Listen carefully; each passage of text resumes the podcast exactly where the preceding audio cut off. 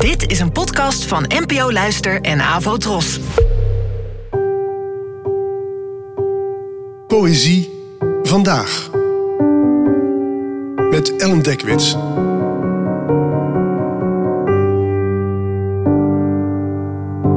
Hallo, fijn dat je luistert. Het gedicht van vandaag heet Winterzonnewende en werd geschreven door de Amerikaanse dichteres Lynn Ungar, geboortejaar onbekend. Het werd vertaald door mij en dit keer wou ik graag vooraf iets zeggen.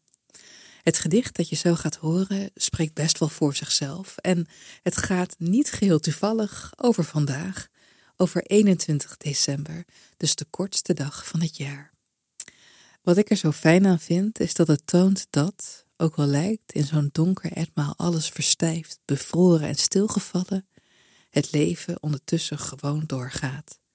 Wat misschien een beetje hoop biedt voor iedereen die niet zo goed tegen deze donkere wintertijd kan. Hou vol. En bij deze. Winterzonnewende. Dit is de langste nacht. Het leek niet eerder zo lang. We wisten altijd al dat er cycli en seizoenen waren, slaap en groei, verspringend licht. We wisten niet dat het vereren van de stille tijd, die het zaad in de aarde doorbrengt, ook het vereren betekende van allen die voorgoed in de aarde verdwenen. Stilte past bij rouw. Laat voor deze nacht het kabaal en de sirenes ophouden.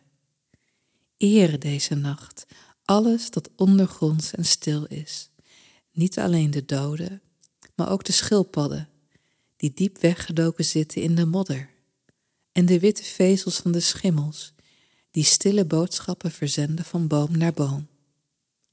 Wie kan zich voorstellen wat zij dromen? De regenwormen zijn stil, maar niet kalm. Ze zijn druk met de aarde te kantelen voor wat eraan komt. De hele ondergrondse wereld weet wat jij bent vergeten. Het huilen kan misschien een nacht voortduren, maar vreugde komt in de ochtend. Bedankt voor het luisteren en tot de volgende keer. Abonneer je op deze podcast via de gratis app van NPO Luister. Daar vind je ook een handig overzicht van het complete podcastaanbod van de NPO.